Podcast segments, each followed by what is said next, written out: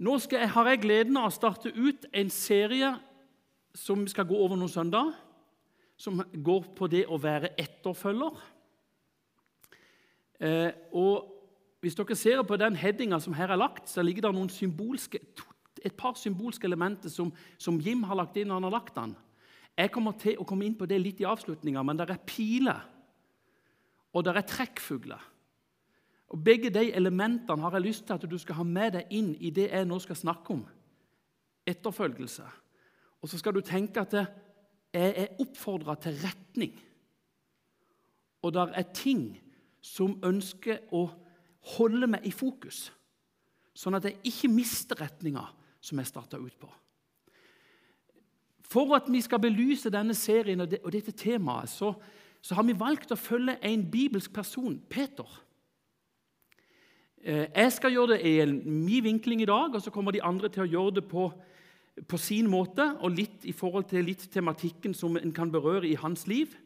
Men gjennom Peters liv kan vi lære veldig mye om etterfølgelse. Eh, han fikk et møte med Jesus som ga konsekvenser for hverdagen, for framtida og for evigheten. Og det er så radikalt, og det er så på en måte fullt av Eller lada av endringer og endringsprosesser at jeg har lyst til å ta deg med på bare en liten reis i det han opplevde. Han var i en arbeidssituasjon. Han hadde nære, gode medarbeidere rundt seg. Og så står det i Matteus 4, 18-20 Da han vandra langs Galileasjøen, fikk han se altså det er Jesus, fikk han se to brødre, Simon, som kalles Peter, og hans bror Andreas. De var i ferd med å kaste not i sjøen, for de var fiskere. Han sier til dem, 'Følg meg, så vil jeg gjøre dere til menneskefiskere.' De forlot da straks garna sine og fulgte han. Altså De første møtene når Jesus kalte disipler, så var kallet så tydelig, varmen så inderlig, omsorgen til å ta og føle på, sånn at det skjedde noe. De åpna seg for Guds sønn, som sto med en sterk utfordring inn i livssituasjonen. Midt i hverdagen blir de kalt ut til å følge Jesus. Jeg har lyst til å minne deg i dag på én ting. Legg merke til Jesus spurte ikke kan dere tenke dere å være en tilhenger av meg. Kunne dere tenke dere over en treårsperiode å gi meg support? Jeg trenger backing. Jesus rørte ikke den tematikken. Han gikk mye dypere enn å bare bevege seg i overflaten. I dagens språk ville vi kanskje ha brukt andre uttrykk. Eh, følgere er et uttrykk mange kjenner fra sosiale medier. Da følger du med på noe, har innblikk i noe, men du er ikke en del av det som skjer. Det kommuniserer bra inn i vår, i vår ordbruk i dag. Men Jesus han ser altså ikke etter noen som blir observatører.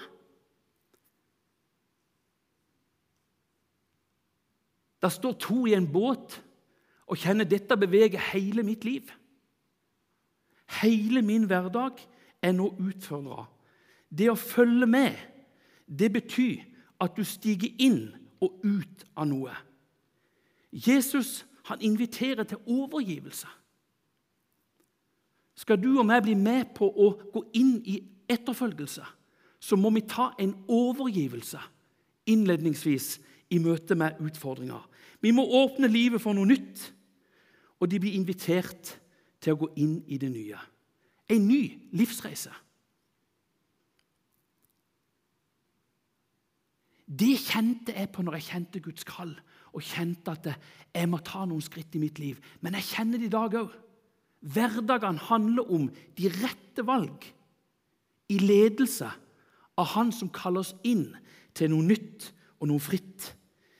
I møte med kallet så ligger invitasjonen helt til å ta og føle på. Se på det bildet, dere. Jeg syns det symboliserer fantastisk det som skjer i overgivelse. Du stiger ut av noe, og du inntar noe nytt. Du forlater noe, og nye muligheter ligger der og åpner seg for det. De velger å ta nye skritt sammen med Jesus. Han sier ikke 'vil dere nå stige ut av, ut av båten og så begynne på egen hånd'. Nei, de blir invitert til å følge Mesteren. De åpner for deltakelse, de åpner for nærhet, og de skjønte at skal jeg bli etterfølger, så må jeg leve tett på Han som vil lede.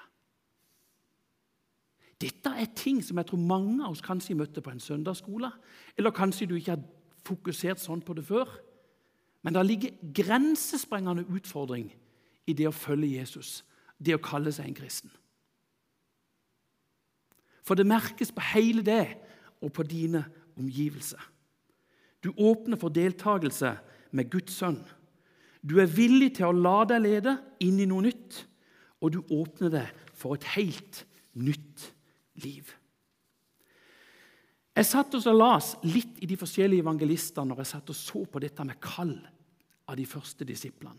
Og Det er forskjellige nyanser. Markus er veldig lik Matteus, men Lukas han legger inn noen spennende små nyanser i hva det vil si å på en måte gå inn og bli med i noe helt nytt.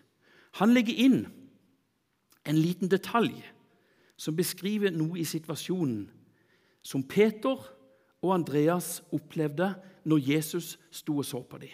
Vi skal lese det som står i Lukas. Og Vi leser fra Lukas 5.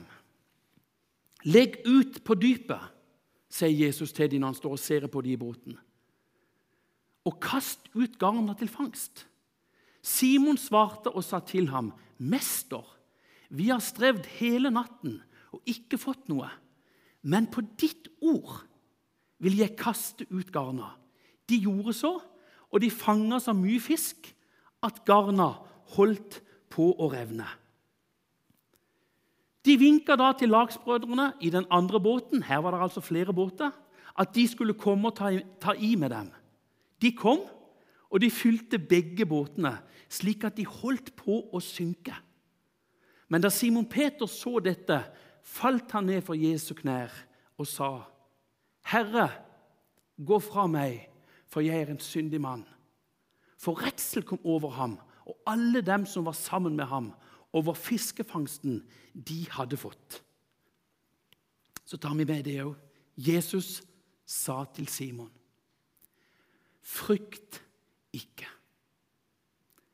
Fra nå av skal du fange mennesker. Fra nå av skal du fange mennesker.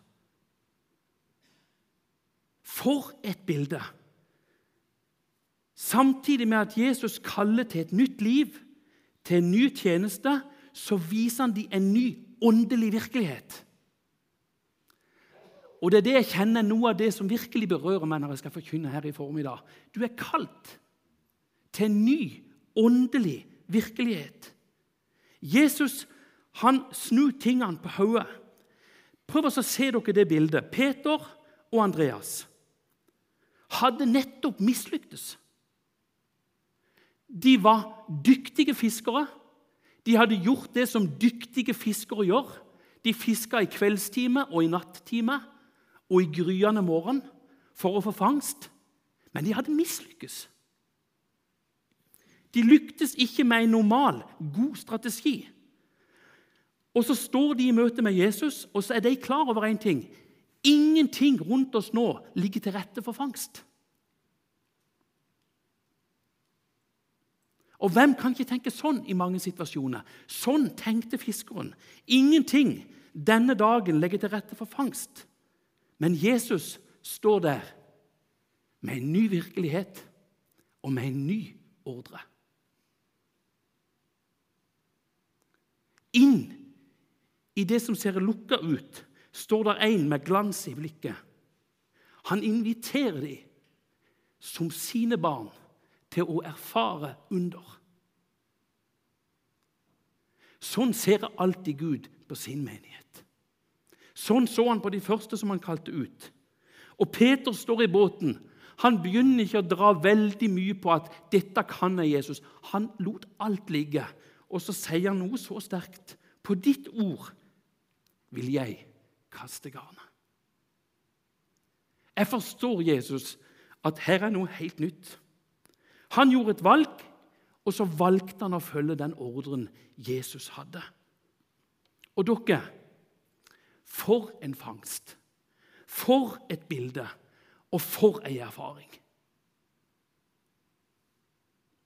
Når du tror du kjenner en situasjon, så aner du ikke hva du egentlig ser inn i, for Gud ser så mye større. Og Gud vil at du skal erfare en ny virkelighet. Guds rike med alle mulighetene. Garnene holdt på å revne. Båtene holdt på å synke. Hva er det Jesus viser? Hva er det som på en måte griper et disippelhjerte i denne situasjonen? Jeg forstår at Peter kunne kjenne på urenhet i sitt eget liv når han begynte å se på seg sjøl.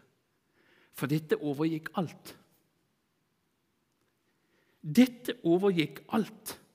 I møte med Han som er rein, så skjønte Peter her er mulighetene. Han som jeg har hørt om, han som nå står og kaller meg, han viser meg noe. Noe helt nytt. Den som takker ja dere til etterfølgelse, takker ja til ny tjeneste. Nå skulle jeg ikke trekke garn med fisk, men han skulle omfavne mennesket. Han skulle ikke bare bo i et nabolag, men han skulle vandre i et nabolag. Peter fikk noe helt nytt. Du som takker ja til å følge Jesus, jeg har så lyst til å si til deg i formiddag du har takka ja til en ordre, noe fantastisk, og livet ditt blomstrer av muligheter. Nye muligheter.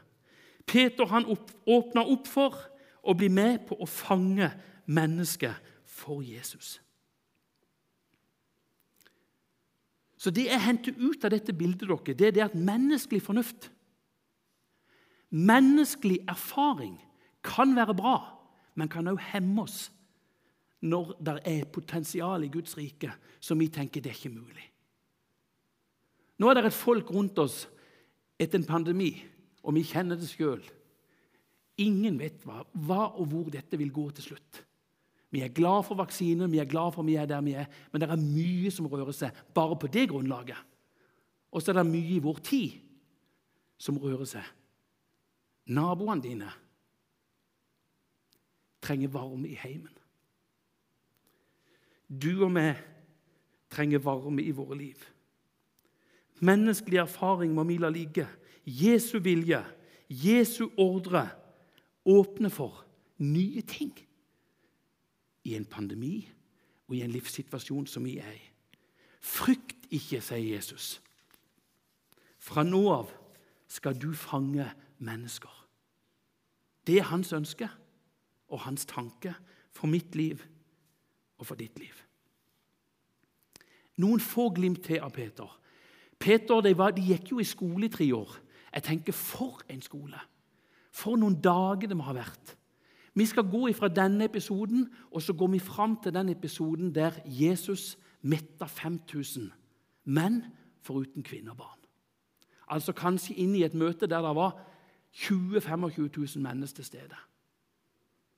I den situasjonen så står det noe veldig treffende, som er på en måte sånn Jeg tror Jesus ga noen nøkler til disiplene. Han oppsummerte hver tale og hver preken med 'den knaggen'. Det tar du med deg. Og Nå skal dere høre to sånne knagger som kommer i denne episoden, som her står. Det er altså samla fullt av folk. Jeg går rett inn i Litt ut i selve møtet, men da det le mot kveld, kom disiplene til ham og sa:" Stedet er øde, og det er langt på dagen. Send derfor folket fra deg, så de kan dra bort i landsbyen og kjøpe seg mat. Fornuftig tenkt av noen som ville ta hensyn i en litt pressa situasjon. Jesus sa til dem, 'De behøver ikke å gå bort.' Dere skal gi dem mat. Men de sa til ham, vi har ikke her noe annet enn fem brød og to fisker. Da sa han til dem, bring det hit til meg. Så bød han folk å sette seg ned i gresset, og han tok de fem brødene og de to fiskene, så opp mot himmelen og ba velsignelsesbønnen. Dette står i Matteus 14. Altså Noe helt grunnleggende var viktig i denne situasjonen. Når Jesus ser muligheten, og disiplene ser problemet, så syns jeg Jesus er så fin. For han, han går ikke bort liksom og sier her, her bommer dere helt. Men han sier dere skal gi dem mat. Dere som nå tenker å sende dem vekk. Dere skal gi dem mat. Og så har de bare den lille fangsten som vi kjenner. Det var noe bitte grann brød og bitte grann fisk. Og så har Jesus bedt en velsignelsesbønn. Og så kommer disippel etter disippel. Og la oss tenke oss at dette er Peter. Som står litt sånn grunnende i situasjonen. Hva er dette, Jesus? Men siden du sier det, jeg har sett før at når du gir en ordre, så skjer det noe. Så begynner Peter, Andreas, Matteus, Johannes Så begynner de å bevege seg inn i folkemengda. Disiplene går med korge av mat. Plutselig har underet begynt å skje. Så går de i underet og ser hvordan Gud begynner å mette mennesket. Så tenker jeg Peter må ha tenkt hele veien. Hva er det som skjer? Det bare velta i korga. Det minka ikke. Han delte, og han delte. Og Noe av det som jeg syns er så fantastisk når Jesus vil gjøre et under i folket Men tenk hva han gjorde med disiplene den dagen. Når de kommer bort én etter én til Jesus til slutt, så kommer de tilbake med overflod. De står der i møte med han som ordrer om etterfølgelse. Og så står de der med korger fulle. I Guds rike, dere, er det overflod. Hvis du og meg begynner å dele ut det vi har fått, så renner velsignelsen inn. Jeg satt for en tid tilbake, jeg skal dele noe som jeg opplevde for ikke lenge siden. Jeg satt i en situasjon som vi kan oppleve alle sammen. Du kjenner deg kanskje igjen i dette bildet her nå. Midt i en travel dag på kontoret så blir jeg minnet om et menneske som har det vanskelig. Så tenker jeg sånn som vi ofte gjør i en travel situasjon. Gud, kan du ikke sende andre? Gud, det er sikkert noen som står nærmere. Og Jeg tok sånne vinklinger innledningsvis, men navnet kom igjen. Jeg hørte ikke direkte Guds stemme, men en veldig minnelse. Og så sa jeg plutselig til Gud Gud, hvis dette er din stemme, så tar jeg nå bilen så forlater jeg kontoret, og så kjører jeg til det og det området. For jeg visste at det var så nærme den personen at det var mulig at han kunne være i det området. Men det var helt tilfeldig hvis det skjedde. Og så sa jeg til Gud Gud, hvis han står ca. innenfor de fire-fem kvadratmeterne, så skal jeg gå. Så kjørte jeg bilen. Og så kjenner jeg bare at tårene kommer midt i det jeg ser en person stå innenfor den sirkelen som jeg satte som en, kall det en begrensning på å gå inn i et oppdrag. Så ble det en fantastisk samtale. Han var så øm, og Gud var så nær. Men den dagen, dere, når jeg kjørte tilbake til kontoret, var det vi som satt med ei full kork og mye ettertanke. Gud har så mye for oss hvis vi er villige til å stige inn i det. I oppdraget det er der disippelen høster velsignelse. Men det kan koste. Og sånn er Jesus. Han utfordrer oss. Jeg har mange ganger jeg kunne ha nevnt mange ganger der jeg liksom har tenkt at nå tar sikkert andre det. Og, og, og sånn må vi ikke leve våre liv. Vi må gå når Gud kaller oss. Jesus han pløyer litt djupt i et avsnitt i Matteus 16. Vi skal se bare bitte grann på noen vers der. Der er Jesus veldig radikal og tydelig på hva det vil si å bli leder i tjeneste. Og Han bruker sterke bilder. I Matteus 16, vers 24 og et par vers der, da, da sa Jesus til disiplene sine Om noen vil komme etter meg, da må han fornekte seg selv, ta sitt kors opp og følge meg. For den som vil berge sitt liv, skal miste det. Men den som mister sitt liv for min skyld, skal finne det. For hva gagner det et menneske om han vinner hele verden, men tar skade på sin sjel? Eller hva kan et menneske gi til vederlag for sin sjel? Jesus sitter her og så underviser han disiplene så inderlig dypt og nærgående. Han som de sitter sammen med. Prøv dere å se bildet. For jeg tenker, Hva er det som ligger bak de ordene til Jesus?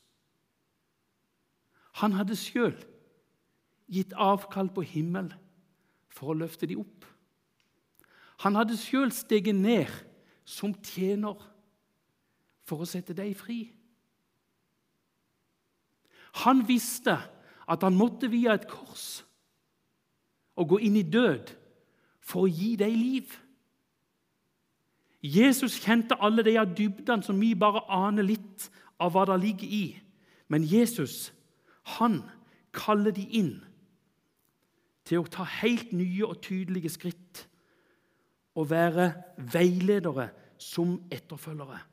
Dere, å ta korset opp, hva betyr det for oss som leser dette i vår tid? Det handler om å gi avkall på noe for å vinne noe. Det handler om å vinne noe større. Det er noe som er viktigere enn alt annet i livet. Jesu ledelse, Guds ord og Guds vilje. Det er veien vi som disipler følger. Og Det er ikke alltid like lett. Syns Stanley sa det så, så egentlig åpent her i stad. Jeg vil så gjerne. Men vi erfarer ofte at det ikke alltid er så lett. Dere, Å kjenne seg sjøl, hva betyr det egentlig, det Jesus mener med det? Å kjenne seg sjøl har med erfaring å gjøre, med forstanden vår å gjøre, og med fornuft. Det er liksom noe vi kan erfare og sette i system. Men å forsake seg sjøl, det er noe annet. Det har med viljen vår å gjøre. Så Jesus sier, 'Skal du koble deg på, så må du slippe noe.' Du må stige ut av noe, og du må virkelig sette retning på noe og koble inn viljen din. Men i det ligger muligheten i å bli en etterfølger. Det har med viljen å gjøre. Det er ingen som tvinges til å bli en kristen.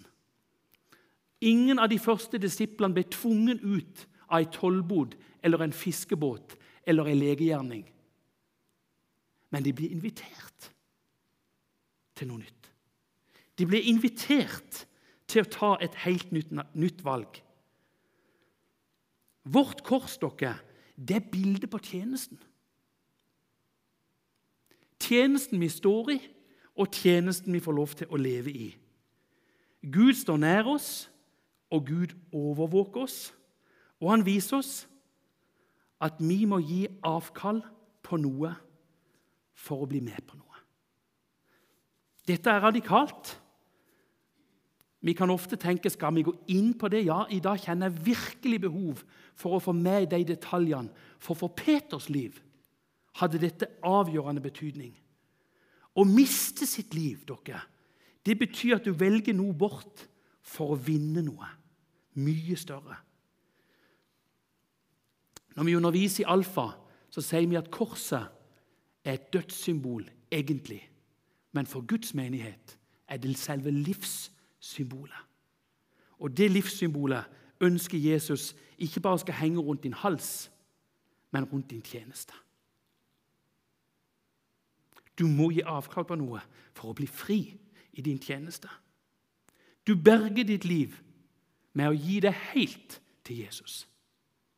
Han har aldri kalt noen halt. Jeg begynte med det. Han har aldri søkt supportere eller noen som står og bifaller det han gjør, men han vil sette mennesket i brann for sitt rike. Dere, vi mister vårt liv åndelig. Vi lir skipbrudd på vår tro åndelig hvis vi ønsker å stå for egne verdivalg og prøve å berge oss sjøl. Jesus ser Peter rett inn i ansiktet, så sier han, 'Peter, det må ikke skje.' Nå bruker jeg litt mine ord. Men den som vil berge sitt liv, han kan oppleve alvoret i å prøve å legge kursen ut ifra egne tanker. Peter han forsto dette.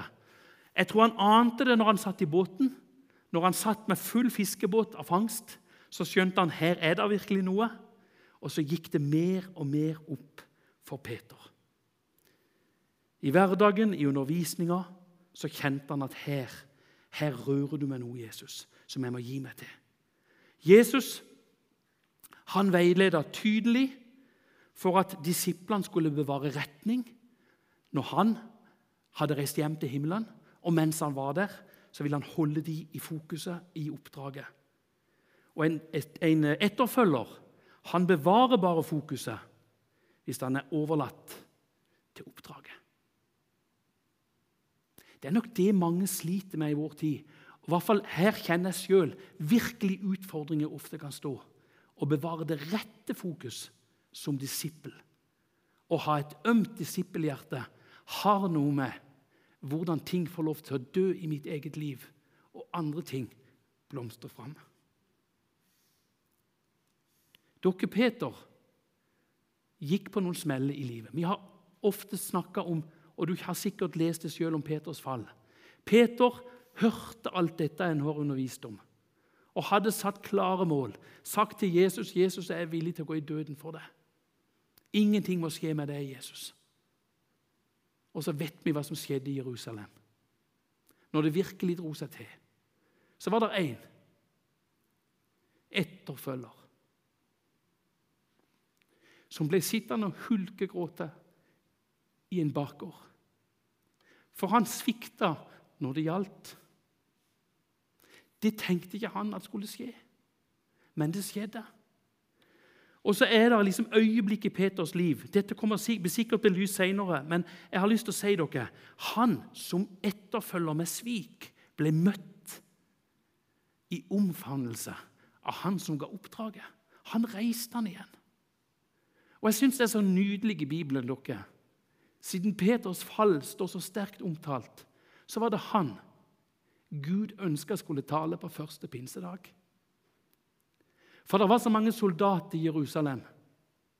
Det var så mange som hadde hørt om disippelen som hadde tatt avstand fra sin mester.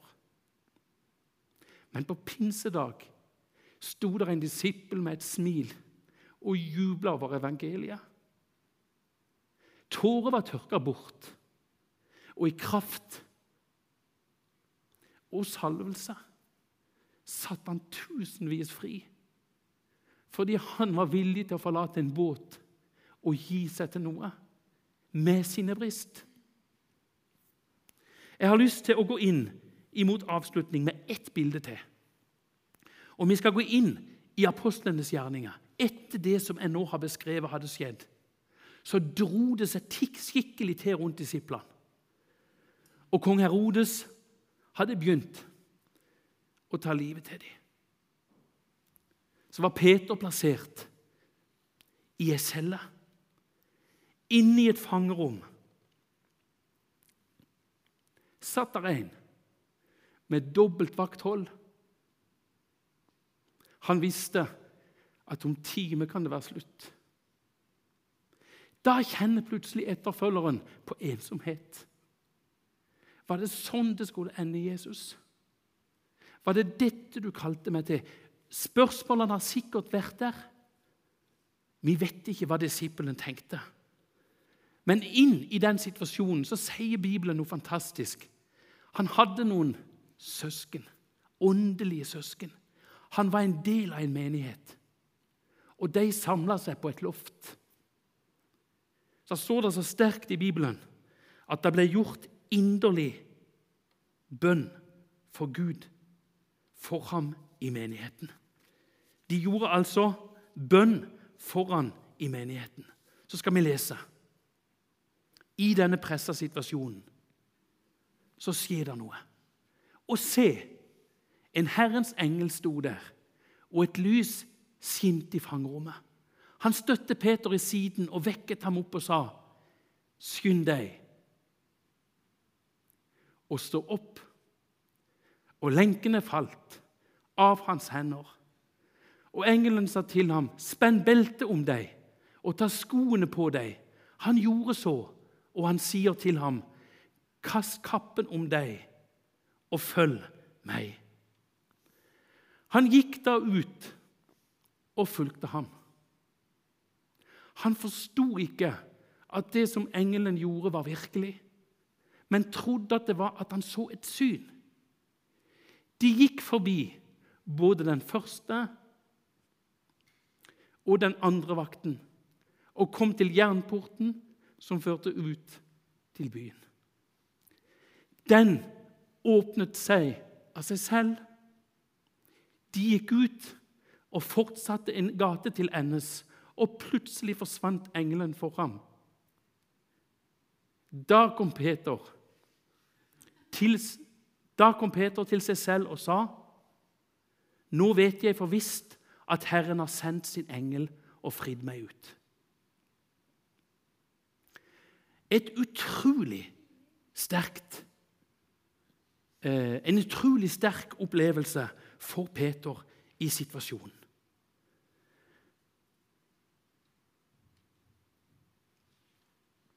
Når han kommer, når han kommer gående inn i møte med, i møte med de som ba, så trodde de ikke de så, de trodde de så synet.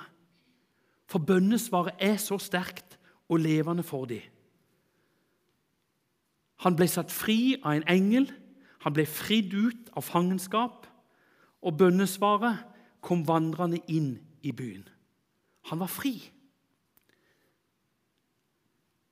Noen spørsmål til slutt. Hva kan vi lære av dette? Vi vet at Peter etter en tid etter dette så døde Peter og måtte på en måte gi sitt liv.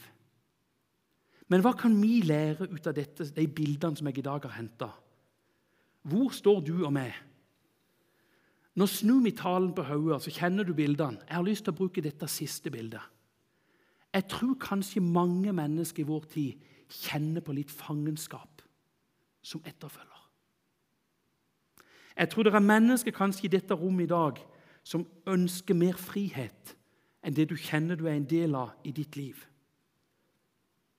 Klarer du å se at dette bildet, billedlig som Peter opplevde i fangenskap Det er lenker som må løses, og Gud er i stand til å løse det. Gud er i stand til å fri deg fra det som binder. Der du kjenner deg handlingslamma, der kan Gud sette deg fri. I dag kan lenkene falle, og du kan bli en ny etterfølger for Jesus. Oppdraget er det samme i dag, i 2021, som det var i år null. Følg meg. Følg meg. Rett inn i vår livssituasjon.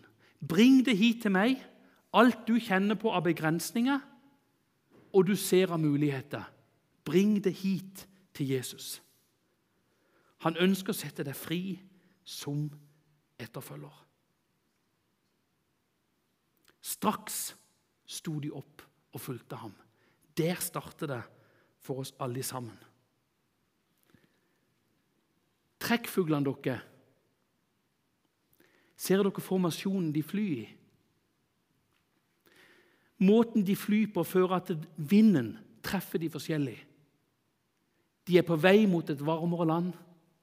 De har satt retning, de har fokus, og sammen flyter de på hverandre. Bytter posisjoner for å fly langt med fokus og retning. Du og meg er heller ikke alene. Vi går òg i le av Jesus. Han tar vinden for oss. Han står der og verner oss på veien hjem. Men i fokuset er det han som må få lov til å lede ditt og mitt liv. Så kjenner vi at i søskenflokken i forsamlinga så er vi hverandres lemme, og så nyter vi godt av hverandre. Men i dag ønsker Jesus å sette deg fri som etterfølger. Takk, Jesus, for dine bilder og det du gjorde gjennom Peters liv. Vi kjenner Jesus når vi henter ut de tingene fra ditt ord. Så kjenner vi Jesus at vi blir grepet når vi ser hvordan du endra et liv fra en fisker til en menneskefisker. Ifra en som gjorde erfaringer både på godt og vondt, så var du nær han, og så fulgte du han Jesus. Og så fulgte du han inn på det som i utgangspunktet skulle være ei dødscelle. Og så lot du din kraft berøre hele fengselet. Jeg ber for hver enkelt som sitter her nå i formiddag, Jesus. Du vet hvor lenge vi har levd. Du vet hvor lenge vi har vært i ditt følge. Du vet hvordan vi lever våre liv som etterfølgere. Kan du legge handa di på skuldrene våre i denne formiddagen, Jesus? Om det er ei godt voksen skulder eller det er en ung skulder, så ber jeg om at hjertene våre i dag kan kjenne Herren har kalt meg til frihet. Jeg må gi avkall på noe for å vinne det store. Vi er på vei mot et varmere land. Der ingen pandemi skal få råde. I din himmel, Jesus, ønsker du å hente oss hjem fri. Kan du hjelpe oss til å holde fokus, så målet blir oss og en del av oss, Jesus.